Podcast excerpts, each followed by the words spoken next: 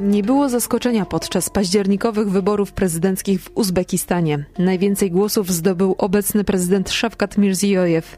I choć nikt nie wątpił w jego wygraną, to zdziwiło z jaką łatwością został wybrany na drugą kadencję. Pojawiły się również głosy rozczarowanych tym, jak niewiele różniły się wybory w rzekomo nowym Uzbekistanie Mirziyoyewa od tych, które odbyły się za nieżyjącego prezydenta Islama Karimowa.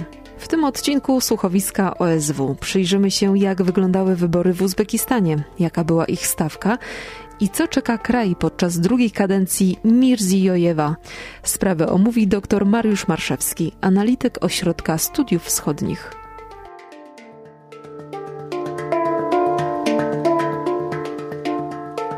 Serce starożytnego jedwabnego szlaku, drogi handlowej łączącej Chiny z Bliskim Wschodem i Rzymem.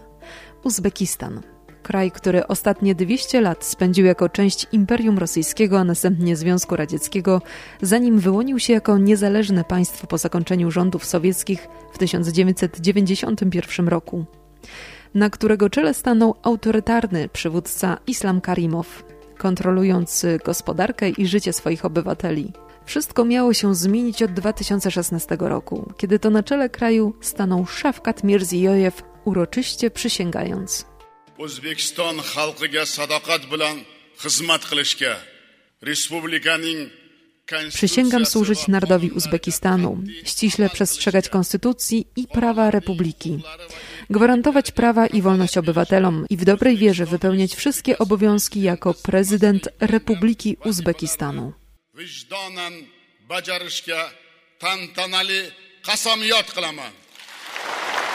Uzbekistan jest to specyficzny bardzo kraj z autorytarnym systemem politycznym, będący efektem radzieckiego pomysłu na budowę stabilnej granicy. W Związku Radzieckim miano świadomość, że Azja Centralna z jej muzułmańską ludnością, z jej specyficzną kulturą, zamknięty obszar, ciążący ku południowi, w czasach carskich słabo zintegrowany z Rosją carską, jest takim elementem, e, który zachodni teoretycy walki ze Związkiem Radzieckim, zimnowojenni strategzy Stanów Zjednoczonych nazywali po prostu miękkim podbrzuszem Związku Radzieckiego. I żeby to miękkie podbrzusze jakoś umocnić, dano szansę aspiracjom narodowościowym poszczególnych ludów i stworzono dla, dla tych ludów republiki narodowościowe, których w dużej mierze celem z punktu widzenia moskiewskiego centrum było zarządzanie granicą. Uzbekistan był centralnym tworem tego pomysłu na zarządzanie granicą z Taszkientem, miastem będącym reklamą komunizmu dla trzeciego świata i Uzbekistan tak naprawdę to trzy kraje które historycznie istniały na tym obszarze, Hanat Kokandu, Emirat Buchary i, Hanat Chiwy, zwany też Chorezmem. Całość kraju jak patrzymy na jego granice, na jego specyficzny kształt, jest efektem tych radzieckich reform. Natomiast te radzieckie reformy miały miejsce w latach 20. i 30. Były też odpowiedzią na, na projekt miejscowych e, modernistów, dżadidów, miejscowych modernistów islamskich i, i dlatego ten kraj e, ma jakąś wizję siebie odwołującą się do tego okresu, ale dlatego też system autorytarny w tym kraju jest efektem też dążenia do stabilności i ratowania przed ewentualnym chaosem, dezintegracją, powrotem do istniejących tworów państwowych przed rewolucją, e, właśnie tych dwóch hanatów i jednego emiratu. W efekcie jest to kraj autorytarny, e, jest to republika prezydencka, w której stare formy ustrojowe są obecnie przykryte fasadą demokracji. Ta demokracja ma charakter rytualny, ma charakter fasadowy, jest elementem sztafażu, konieczności funkcjonowania Uzbekistanu we wspólnocie międzynarodowej, na forum ONZ-u. Natomiast formy ustrojowe typu autorytarnego, despotycznego są dużo starsze na tym obszarze. Te tradycje kultury politycznej Uzbekistanu, one wyznaczają taki, a nie inny kształt państwa uzbeckiego i charakter ustroju państwa. Wobec tego w oczywisty sposób partie opozycyjne mają charakter rytualny, fasadowy. W czasie wyborów było to bardzo mocno widoczne, prawdopodobnie po to, żeby nie obniżać statusu prezydenta, że on jako najwyższy rangą lider społeczeństwa kraju, osoba będąca historycznym odpowiednikiem Hanów czy Emirów, będzie musiał debatować z innymi kandydatami na stanowisko prezydenckie. Udało się tego uniknąć w ten sposób, że stworzono bardzo taki ciekawy wybieg, mianowicie debaty rozgrywały się pomiędzy poszczególnymi sekundantami, czyli takimi faktycznymi sekundantami, czyli osobami, które reprezentowały poszczególnych kandydatów na na prezydenta i to e, ci, e, ci reprezentanci debatowali zamiast kandydatów. Skutek czego odbyła się debata, a jednocześnie liderzy polityczni musieli ze sobą faktycznie konkurować na poziomie charyzmy, na poziomie realnego, fizycznego, czy prawie fizycznego, jakiegoś medialnego kontaktu. Debata się odbyła, a jednocześnie się nie odbyła w takim charakterze, w jakim jest to przyjęte w demokracji. No i to pokazuje cały charakter ewolucji politycznego systemu Uzbekistanu, pokazuje jaki on ma charakter. Z jednej strony stara się spełniać te wymogi zewnętrzne, wymogi przede wszystkim Zachodu, a z drugiej strony ma wewnętrzną logikę funkcjonowania, wewnętrzną dynamikę opartą na bardzo starych strukturach kultury politycznej. W ciągu ostatnich pięciu lat prezydentowi Uzbekistanu Szafkatowi Mirziyoyewowi udało się zdobyć reputację reformatora zarówno w kraju, jak i za granicą. Po dojściu do władzy we wrześniu 2016 roku z prawie 90% poparciem niemal powtórzył i w tym roku swój wynik. Wybranie prezydenta Szafkata Mirziyojewa na kolejną kadencję wyborczą to jest pewnego rodzaju prawidłowość w najnowszej historii Uzbekistanu.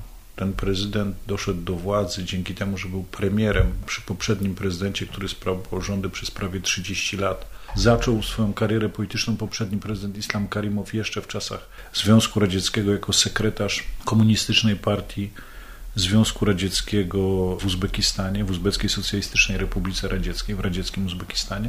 Natomiast Szafkat Mirziyojew w XXI wieku stał się jego premierem, jego prawą ręką, był nazywany wiernym Szafkatem i Szafkat Mirziyojew wbrew konstytucyjnym ustaleniom, ale zgodnie z realną władzą, którą posiadał, przejął władzę w państwie po śmierci, niespodziewanej śmierci poprzedniego prezydenta kilka lat temu.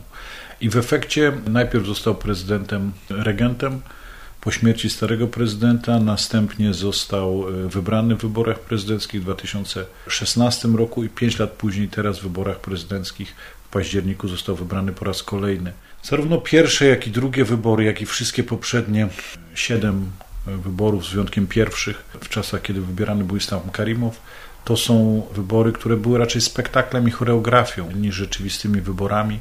One miały charakter rytualny, wybierano ludzi, którzy byli u władzy. Pierwsze tylko wybory, w czasie których najpoważniejszym rywalem Islama Karimowa, pierwsze wybory w niepodległym Uzbekistanie, miały charakter rzeczywistej walki politycznej. Wtedy rywalem urzędującego prezydenta, sprawującego władzę jeszcze dzięki mandatowi z czasów radzieckich, Islama Karimowa, był wybitny opozycjonista uzbecki, mieszkający obecnie w Turcji na wygnaniu, Muhammad Solih. Muhammad Solih, który do dzisiaj jest e, ważną postacią w uzbeckim życiu politycznym, ale nieformalnym, bo on e, jest trochę taką postacią jak, jak przedstawiciele rządu londyńskiego w, w czasach PRL-u. Mieszka w Istambule, ma dom na wybrzeżu Morza Czarnego, E, właściwie na przedmieściach Istambułu. Jest już starszym człowiekiem, ma wnuki. Był wybitnym pisarzem, wybitnym literatem i Turcja w dużej mierze udzieliła mu azylu politycznego. Mieszka w strzeżonym domu. W czasach Islama Karimowa dokonano na niego kilku zamachów i Muhammad Solih był realnym rywalem politycznym e, Islama Karimowa. Miał własną partię. Ona do dzisiaj w jakiejś mierze istnieje, ale nie odgrywa żadnej roli, nie, nie przechodzi procesu, nie bierze udziału w życiu politycznym jest głównie za granicą. To była demokratyczna partia ERK, czyli wolność. ERK to po uzbecku wolność. I te wybory Islam Karimow versus Muhammad Solih to były jedyne wybory, w których była realna walka polityczna. Obecne wybory, nie można powiedzieć, że były to wybory też, żeby być uczciwym, których nie wygrałby prezydent Szafkat Mirziyoyev. On jest bardzo popularnym politykiem, jest osobą, która cieszy się ogromną popularnością w kraju, która bardzo dużo zmieniła po swoim poprzedniku, który naprawdę rządził krajem żelazną ręką, w którym no, wiele elementów z czasów pieriestrojki, z czasów początków niezależności Uzbekistanu zostało cofniętych do czasów wcześniejszych etapów rozwoju Związku Radzieckiego, jeżeli chodzi o poziom demokracji w Uzbekistanie. Dlatego no, to, co przyniósł ze sobą Szafkat Mirziyojew, to jest wolność, to jest swoboda, to jest liberalizacja gospodarki, to jest e, zmiana podejścia do religii, cofnięcie takich drakońskich elementów, które funkcjonowały normalnie w Uzbekistanie, jak faktycznie półniewolnicza, e, przymusowa praca młodzieży uczącej się i dzieci, i przedstawicieli kadry naukowej i szkolnej na polach bawełny, gdzie były bardzo niskie stawki, praktycznie niestarczające na nic i masowo ludzie byli mobilizowani w okresie sezonu do zbioru bawełny ręcznego. To wszystko się zmieniło. Prezydent Mirziojew prawdopodobnie wygrałby wybory z mojego punktu widzenia, e, nawet gdyby one nie były choreografią i spektaklem. Natomiast władza w Uzbekistanie uważa, że, że na ten poziom demokracji jeszcze nie może sobie pozwolić. Dlatego też no, w wyborach w oczywisty sposób nie brał udziału Muhammad Solih, który jest dysydentem mieszkającym za granicą. Nie dopuszczono również dwóch niezależnych kandydatów, którzy chcieli wziąć udział w, w tych wyborach. Środowiska związane z partią ERK próbowały zamiast Muhammada Soliha doprowadzić do tego, żeby w wyborach wziął udział Jahongir Atadżanow to jest pokoleniowo dużo młodszy niż sprawujący władzę, czy będący w opozycji weteranie uzbeckiej sceny politycznej. On jest urodzony w 1978 roku. To jest znany piosenkarz, który skończył karierę estradową, związał się ze środowiskami Erku, mieszkał też w Turcji i w styczniu tego roku wysunął propozycję, że będzie, że będzie startował w wyborach prezydenckich, o których wiadomo było, że będą w tym roku. Zostało to jednak storpedowane, był szantażowany przez służby specjalne aż w końcu zrezygnował z ubiegania się o fotel prezydencki. Bezpośrednią przyczyną był incydent, który wydarzył się pod koniec maja 2021 roku, kiedy to przedstawiciele partii ERK urządzili w domu piosenkarza nieformalne spotkanie. W pewnej chwili do mieszkania artysty wtargnęło kilku mężczyzn, grożąc piosenkarzowi, że jeśli weźmie udział w wyborach prezydenckich, będzie tego żałował, o czym opowiada sam Otajanow.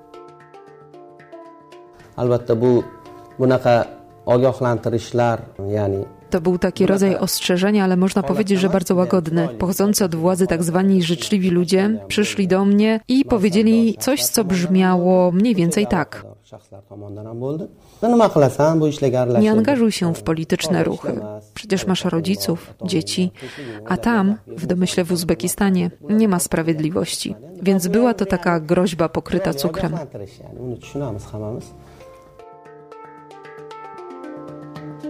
Ogromną rolę odgrywała SNB, taki skrót jest używany, Służba Narodowego Bezpieczeństwa. Ona została przemianowana, używano tego rosyjskiego akronimu. Ona została przemianowana na Służbę Bezpieczeństwa Państwowego. Używa się akronimu rosyjskiego SGB. Na ogół nie używa się tych nazw uzbeckich, nawet w języku potocznym po, po uzbecku, tylko stosuje się te akronimy rosyjskie. W oczywisty sposób te struktury są dziedzicami radzieckiego KGB, które było bardzo rozwiniętą strukturą w Uzbekistanie. Uzbekistan w czasach radzieckich był bardzo ważną republiką, jedną z najważniejszych państw, tych quasi państw czy struktur regionalnych Związku Radzieckiego, ponieważ jego zadaniem było bycie witryną reklamową komunizmu radzieckiego w krajach trzeciego świata. Dlatego Taszkent, najważniejsze miasto regionu, było w ten sposób zbudowane, w ten sposób rozwijane, żeby tam przyjeżdżały delegacje z różnych krajów trzeciego świata i zachwycały się osiągnięciami radzieckiej modernizacji w uzbeckim społeczeństwie, społeczeństwie muzułmańskim, społeczeństwie mieszkającym daleko na południu. No i ten sukces był osiągany. W Taszkencie został zawarty układ pokojowy po wojnie między Indiami a Pakistanem. Wszystkie te rzeczy rozgrywały się w Taszkencie. Taszkent i Uzbekistan miały takie zadanie w Związku Radzieckim. Taszkent uważano za trzecią stolicę Związku Radzieckiego. Różnie to liczono po Moskwie i Kijowie albo po Moskwie i Sankt Petersburgu. I rzeczywiście taką rolę Taszkent i Uzbekistan odgrywał i wobec tego nie było też możliwości na swobodę. Dlatego te struktury KGB były takie silne i w dużej mierze odziedziczył je Islam Karimow i one były tym elementem, który był państwowym spoiwem w Uzbekistanie w czasach prezydenta Karimowa. Ich rolę bardzo osłabił prezydent Szafkat Mirziyoyew, ale też do pewnych granic, też po to, żeby dać ludziom wolność, żeby dać ludziom szansę na normalne funkcjonowanie i żeby mogli się rozwijać, mogli realizować siebie, mogli się bogacić. Te różne elementy związane z poprawą jakości życia, z zwiększaniem zamożności, które nie były możliwe w czasach prezydentury Islama Karimowa, one są możliwe w czasach prezydentury e, Szafkata Mirziyojewa. Stąd jego ogromna realna popularność w społeczeństwie, która nie jest tak oczywista w takim e, autorytarnym systemie rządów. Ona jest autentyczna. Natomiast władza uważała, że nie może sobie pozwolić. No, władza, którą też częściowo tworzą ludzie wodzący się z szeregów służb specjalnych, nie może sobie pozwolić na luksus pełnej demokracji, zwłaszcza, że Uzbekistan graniczy z Tadżykistanem, który przeszedł wojnę domową w latach 90., która była straszakiem w, w Uzbekistanie i graniczy z Afganistanem, w którym właśnie Islamską Republikę Afganistanu obaliło powstanie talibów, e, skorelowane z wycofaniem się wojsk amerykańskich, które doprowadziło do powstania w tym miejscu Islamskiego Emiratu Afganistanu. I ten straszak islamskiego fundamentalizmu, rewolucji, rozpadu kraju, wojny domowej, on ma ogromne znaczenie. I świadomość, że kraj musi być stabilny, kraj, który jest podzielony regionalnie na trzy historyczne struktury państwowe, na dawny Hanat Kokandu, czyli Uzbekistan Wschodni, dawny Emirat Buchary, czyli centralny Uzbekistan i dawny Hanat Chiwy, czy Hanat Chorezmu, czyli Uzbekistan Zachodni i świadomość tego podziału, który wiąże się z, z różnicami też etnicznymi w poszczególnych odłamach narodu uzbeckiego, czy, czy z obecnością na terenie kraju mniejszości narodowych. Na, na południu mamy Tadżyków, i na wschodzie mamy Tadżyków kraju, na północy kraju, na zachodzie kraju mamy Karakałpaków. Republika Autonomiczna Karakałpacka to jest e, jedna piąta kraju. Świadomość tych wszystkich różnic regionalnych, obecności dużej mniejszości rosyjskiej, rywalizacji o to, w którą stronę pójdzie Uzbekistan pomiędzy przede wszystkim Chinami a Rosją, Świadomość tego w elitach politycznych Uzbekistanu powoduje to, że one mają, mają takie głębokie przekonanie, że na pełną demokrację nie można sobie pozwolić.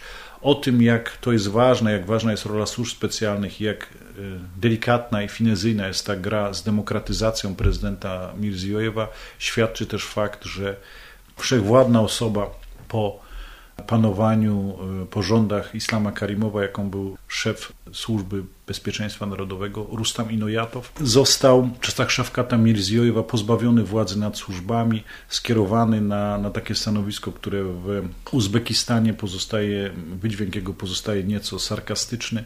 Uzbekistan jest krajem w dużej mierze pustynnym, położonym w dorzeczu w dużej mierze dwóch rzek, Amudari i Syrdari i znajduje się wybrzeża Morza Aralskiego, jednego z e, większych śródlądowych e, zbiorników wodnych, ale wysychających.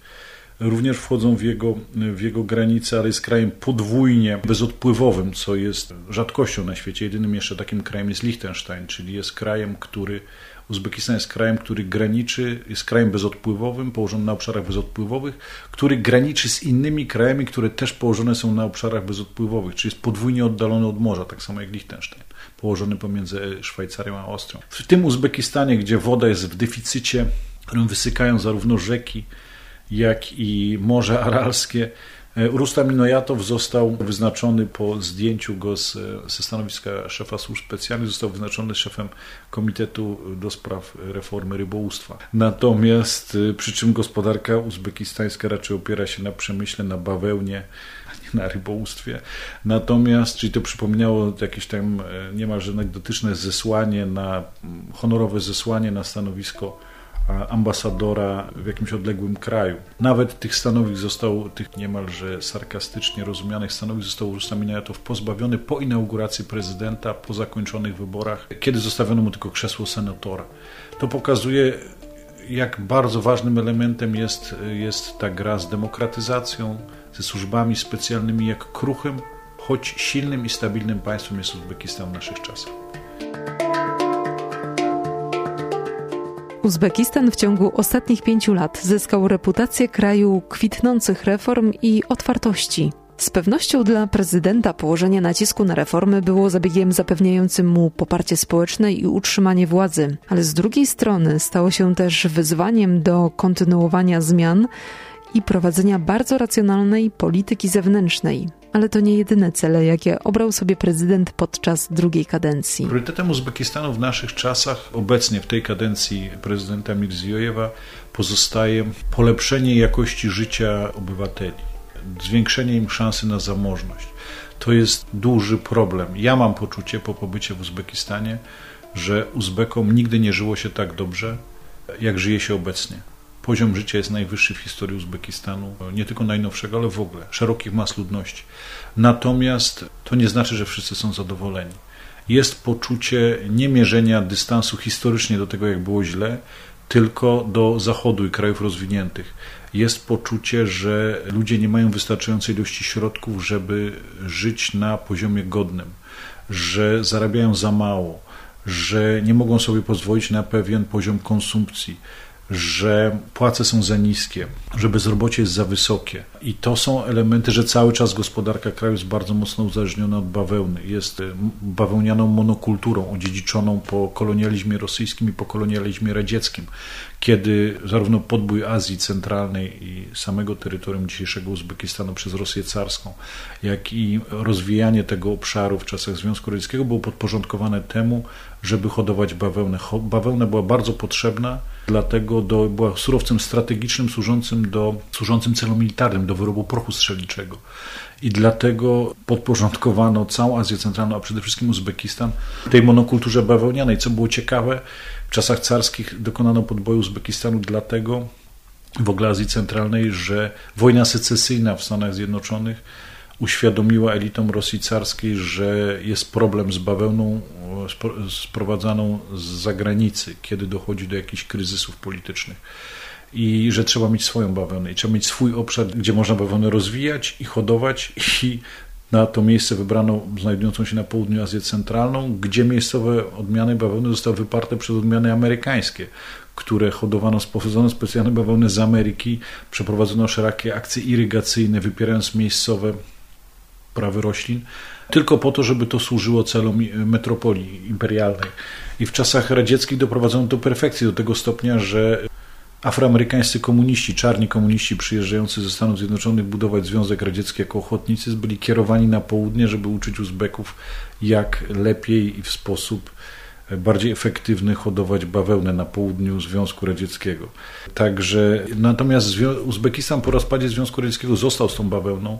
W czasach Istama Karimowa rozwinięto co prawda pewne elementy reform gospodarczych, na przykład zbudowano własny przemysł samochodowy. To jest wyjątkowy kraj, który po rozpadzie Związku Radzieckiego, po upadku systemu komunistycznego, który doprowadził do dezindustrializacji w wielu krajach, do upadku przemysłu, to jest kraj, który próbował swój przemysł rozwijać od podstaw, na przykład przemysł samochodowy. Zbudowano fabrykę samochodów, która do dzisiaj służy w okolicach Andiżanu w Dolnie Fergańskiej, w wschodnim Uzbekistanie i ta fabryka samochodów do dzisiaj służy Uzbekistanowi. Na początku była stworzona w kooperacji z e, koreańskim holdingiem Deu, później z amerykańskim Chevroletem i do dzisiaj produkuje samochody, na których jeżdżą Uzbecy. Uzbecy jeżdżą swoimi samochodami, co jest wyjątkowe w krajach postkomunistycznych. Także jest element takiego zdrowego myślenia o gospodarce, o, o sobie, o świecie, dążenie do tego, żeby nie wiązać się z żadnym blokiem, to jest założenie zagranicznej polityki Uzbekistanu, żeby nie wiązać się z żadnym blokiem, e, z żadnym sojuszem, ani z zachodnim, ani z federacjami państw kierowanymi przez, przez Federację Rosyjską. Uzbekistan unika OBZ-u czy innych form integracji e, militarnej czy gospodarczej integracji z, z Rosją. Trzyma również dystans do Chin, e, choć zaprasza wszystkich, wszystkie kraje do inwestowania.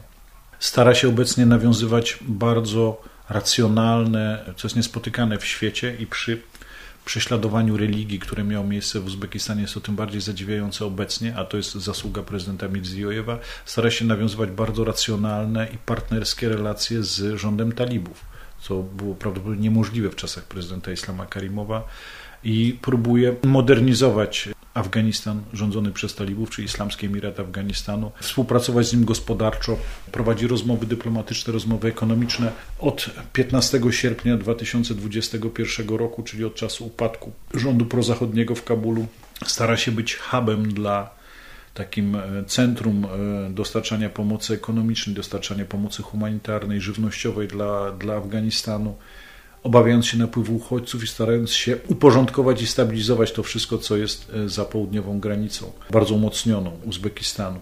Także trzeba podkreślić, że prezydent Mirziojew, aczkolwiek spotyka się z krytyką, to jest jak na standardy najnowszej historii Uzbekistanu i w ogóle jak na standardy regionu Azji Centralnej. On i jego otoczenie to bardzo racjonalni politycy, umiejący wyciągać wnioski z tego, co się stało i projektować to, co będzie.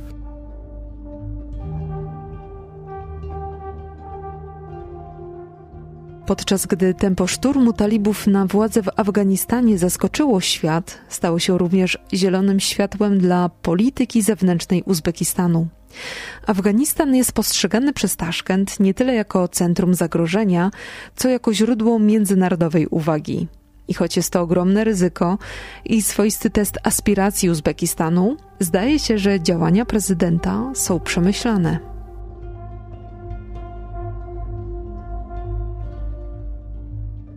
Obawy są duże, natomiast rząd bardzo się stara. Ważną postacią w tych rozmowach jest znajdujący się w podeszłym wieku minister spraw zagranicznych Kamiłow, który jest e, nazywany nestorem uzbekistańskiej dyplomacji genialny dyplomata ze szkoły radzieckiej, negocjator znakomity, który jest twarzą tych, tych negocjacji z talibami. Kiedy talibowie dążyli do władzy i w ocenie uzbekistańskiej było bardzo prawdopodobne, że tą władzę obejmą, już wtedy, kilka lat temu, kiedy, czy wiele miesięcy temu, kiedy to nie było tak oczywiste dla świata, ale było oczywiste najwyraźniej dla Taszkentu, Kamiłow jako pierwszy firmował swoim nazwiskiem bardzo pojednawcze listy i rozmaitego rodzaju analizy kierowane wprost do talibów jako ewentualnego partnera politycznego.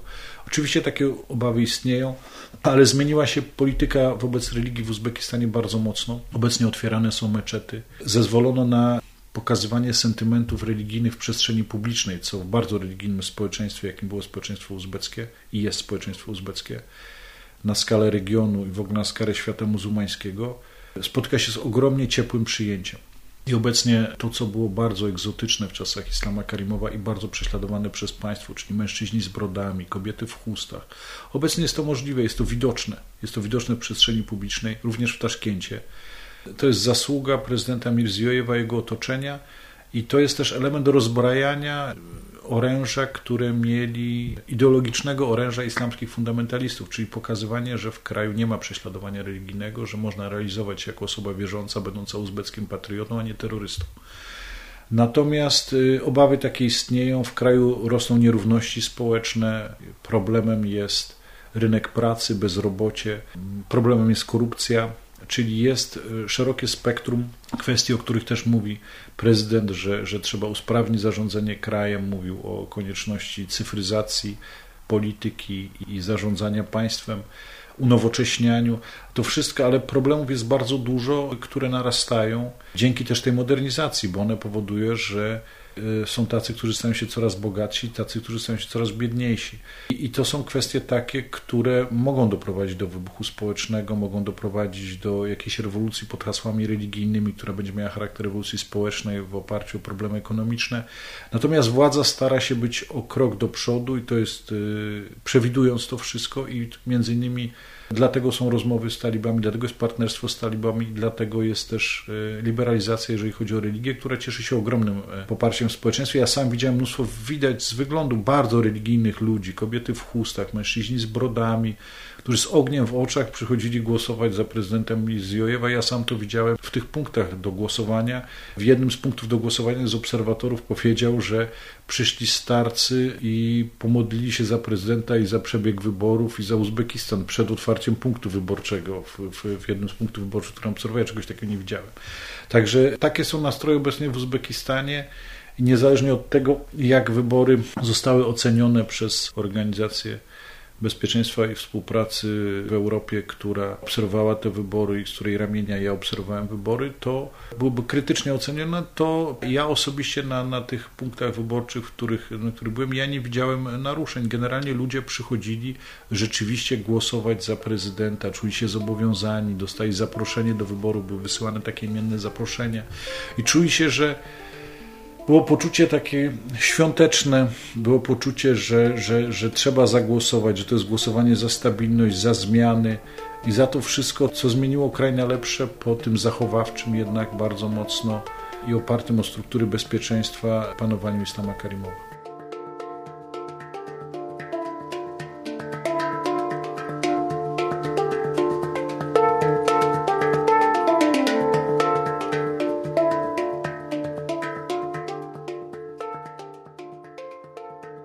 Powolne dochodzenie do władzy talibów w Afganistanie, obserwowanie ich sukcesów w poszczególnych prowincjach, w poszczególnych powiatach, a także ich błyskawiczna ofensywa trwająca od maja do sierpnia 2021 roku spowodowały zmianę podejścia do religii, która miała miejsce za czasów prezydenta Mirziojewa od początku jego rządów, to nastąpiło silniejsze emancypowanie ludzi religijnych, danie im szansy na uczestnictwo w życiu politycznym i społecznym, oparte w dużej mierze na wzorach Turcji prezydenta Erdoana, a z drugiej strony nastąpiło nawiązanie, błyskawiczne nawiązanie relacji dyplomatycznych z talibami, którym wielokrotnie też dawano do zrozumienia w języku dyplomatycznym przez ostatnie kilka lat i nawiązywano z nimi nieformalne relacje jako z gerillą, z partyzantką, natomiast kiedy oni doszli do władzy, doszło do błyskawicznego nawiązania relacji dyplomatycznych, relacji ekonomicznych.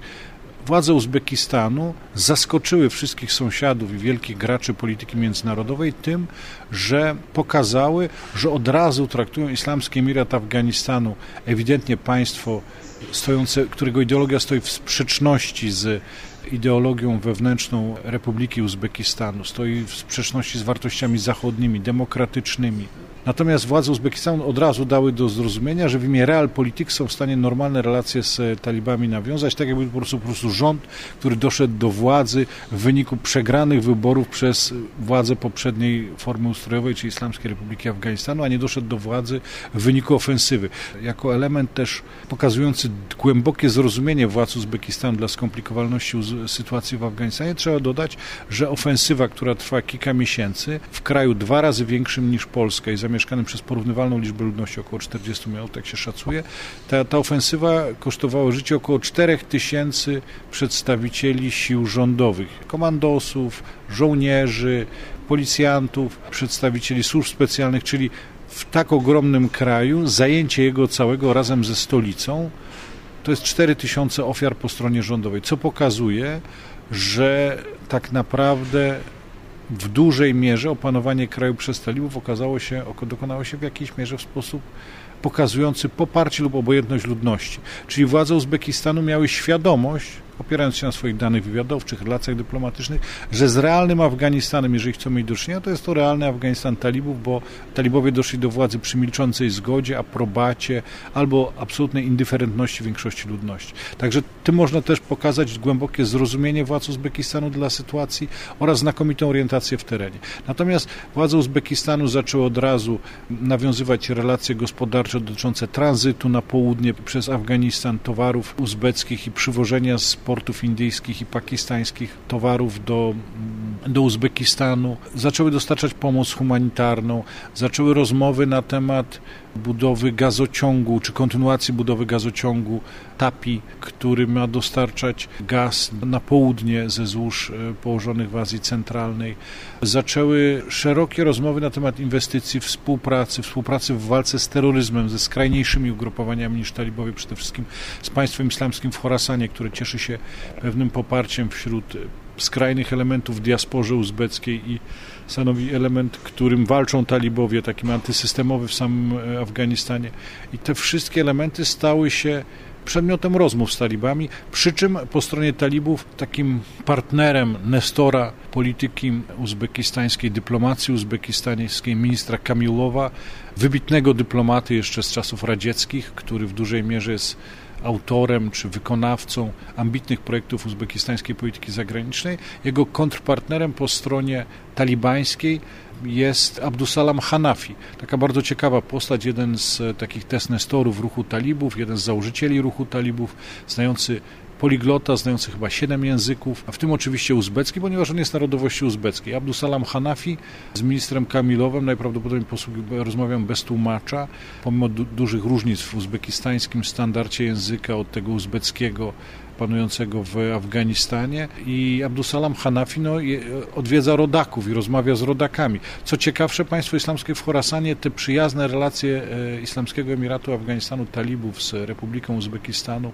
przedstawiają jako element chociaż prowadzi je Uzbek na przykład po stronie talibańskiej, przedstawiają jako element e, antymuzułmańskiej polityki talibów, antyuzbeckiej polityki talibów i tak dalej, i tak wykorzystując, chcąc podburzyć też Uzbeków Afganistanu, Uzbeków Uzbekistanu przeciwko istniejącym władzom, przeciwko konsensusowi, status quo, normalnym relacjom gospodarczym, politycznym, po to, żeby uzyskać uzbeckiego rekruta do swojej organizacji, zarówno z Uzbekistanu, jak i z Afganistanu.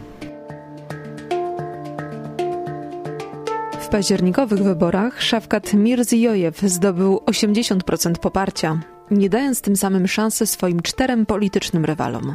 No, z Mirzijojewem rywalizowało kilku kandydatów. Najbardziej wyrazistym był Alisher Kadyrow, nosi takie nazwisko jak lider rosyjskiej Czeczenii.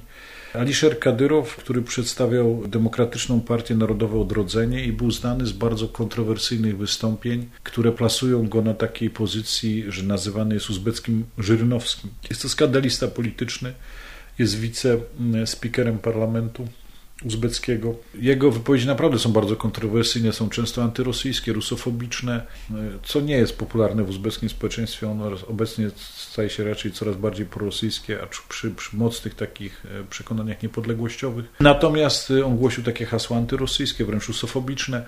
Mówił też o rzeczach, które, które nie cieszyły się popularnością w uzbeckim społeczeństwie, a były elementem takiej właśnie jego e, skandalizującego im, image on mówił między innymi o tym, że trzeba nałożyć podatki na gastarbajterów, a ogromny procent Uzbeków to, to są gastarbajterzy, zwłaszcza w Rosji, również i w Polsce.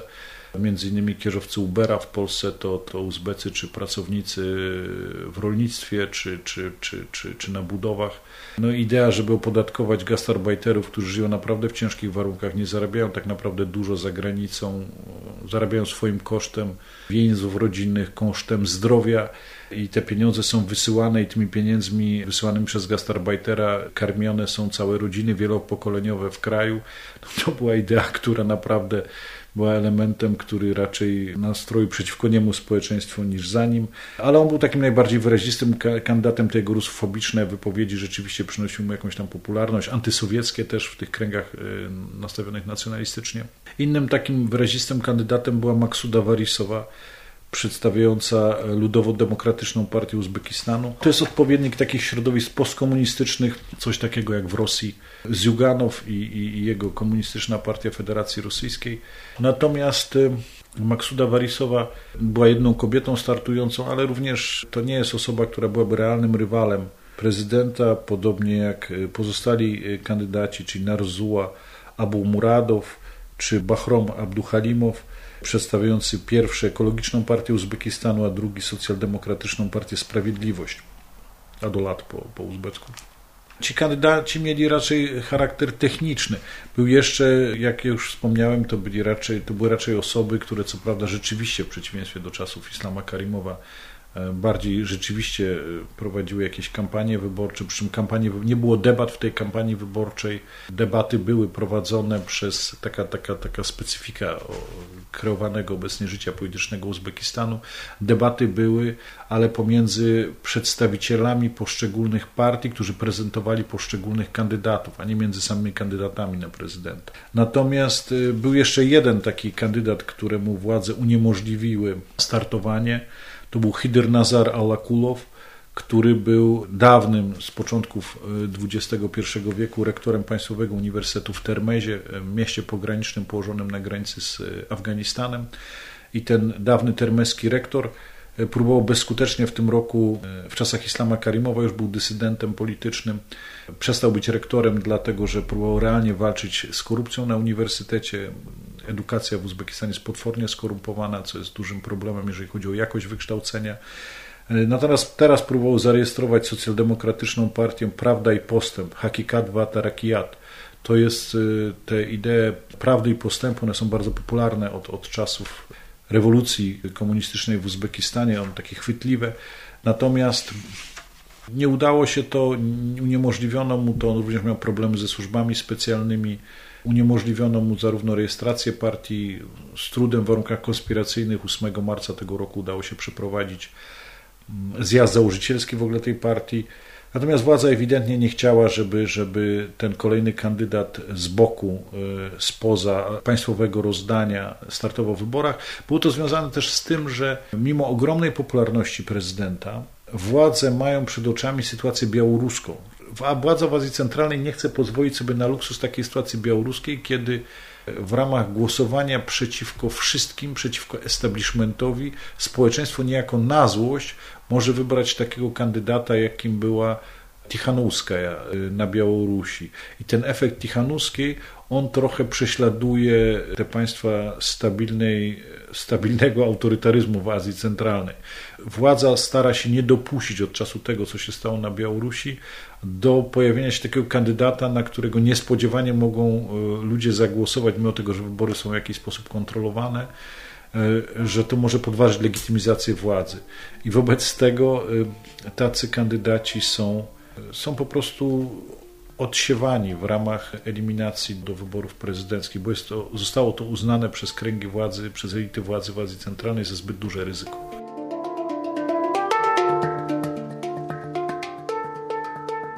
Mirzijojewowi przypisuje się zapoczątkowanie tego, co nazywa Nowym Uzbekistanem, kończącego dziesięciolecia systemu pracy przymusowej i wprowadzającego ograniczoną wolność mediów. Do tego przypisuje sobie łatwiejszą komunikację między zwykłym obywatelem a władzą.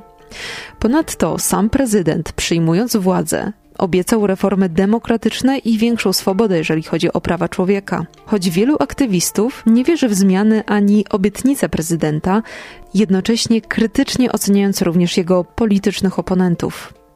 O czym mówi jeden z aktywistów, Mahmud Dawranow. Wszystkie te partie są w pełni kontrolowane przez rząd. Przez lata ich istnienia nie wysuwali żadnych żądań demokratycznych zmian. Czasami niektórzy z liderów łagodnie krytykowali rząd, ale w taki sposób, by nie przekroczyć czerwonej linii. Ludzie w naszym kraju po prostu boją się mówić, co im się nie podoba. Boją się nawet o tym pomyśleć. Czy to oznacza, że społeczeństwo w Uzbekistanie zawsze będzie bierne co do osoby sprawującej władzę? Czy może kiedyś nadejdzie dzień, w którym zarówno i mieszkańcy, i opozycja zbuntują się przeciwko narzuconym zasadom? Według mnie nie, ale władza na wszelki wypadek się tego boi, bo reżim prezydenta Łukaszenki również oceniano jako stabilny, a ta sytuacja z Tichanuską miała miejsce i, i podobnież y, przykład ukraiński, Majdan, walka y, prezydenta Janukowycza z różnymi rywalami w różnych okresach prowadząca do kolorowych rewolucji. Te sytuacje, one były bardzo takim otrzeźwiającym kubłem zimnej wody dla, dla elit władzy w Azji Centralnej. Kirgiskie rewolucje, czy też przewroty, czy te obalanie poszczególnych prezydentów w tym momencie, kiedy y, czy władz przez, przez jakieś, przez tłumy prowadząc do destabilizacji kraju, to dla sąsiednich krajów Azji Centralnej, pozostałych czterech, jest również takim przykładem, że trzeba uważać na, na własne społeczeństwo i tym bardziej, że o ile w Kirgizji nie doprowadziło to do żadnych wojen domowych, to jednak w Tadżykistanie działalność opozycyjna doprowadziła do takiej sytuacji i władze pozostałych krajów Azji Centralnej, oprócz takiego normalnego dążenia władzy, niejako naturalnego do utrzymania swojego stanowiska, do utrzymania się przy władzy, tautologicznie ujmując, to oprócz takich naturalnych tendencji, to ten element y, kirgiskiego, ukraińskiego, białoruskiego negatywnego przykładu jest jest też rozpatrywany jako coś niebezpiecznego dla stabilności reżimu. Społeczeństwo Uzbekistanu jest, chociaż ono jest zróżnicowane etnicznie, wspomniałem o Tadżykach, o Karakałpakach, są Rosjanie, o których też mówiłem, są też Koreańczycy, potomkowie zesłańców, jest niewielka liczba Polaków, jakieś mniejszości kaukaskie, Ormianie. Społeczeństwo Uzbekistanu, generalnie kultura polityczna Uzbekistanu to jest kultura posłuszeństwa wobec władzy i niechęci do zmieniania władzy. Jest to kultura stabilności politycznej, czyli władza raczej dmucha na zimne, żeby nie było za gorące, niż, niż obawia się jakichś realnych dążeń do, do, do rewolucyjnej zmiany społecznej.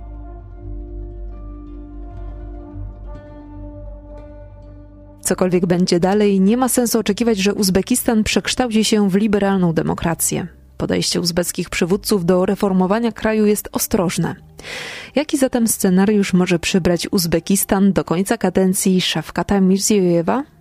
W czasie kolejnej kadencji prezydenta, który wygrał z ponad 80% przewagą, około 80, ponad 80% głosów otrzymał, możemy się spodziewać przede wszystkim dążenia do wzmocnienia, polepszania poziomu życia obywateli. Możemy spodziewać się tego, że władza będzie dążyła do tego, aby Uzbekistan stał się rzeczywiście kwitnącym gospodarczo krajem tranzytowym pomiędzy Azją Północną, czyli Syberią i Rosją w ogóle, a Azją Południową. I temu poświęcone jest też rozwijanie pozytywnych relacji zarówno z rządem w Kabulu, rządem talibańskim Islamskiego Emiratu Afganistanu, jak i z rządem w Islamabadzie, z rządem Pakistanu, Islamskiej Republiki Pakistanu, po to, żeby rzeczywiście Uzbekistan mógł wykorzystać swoją tranzytową rolę w gospodarce światowej i mógł wyjść spokojnie na, na akweny morskie ze swoją produkcją,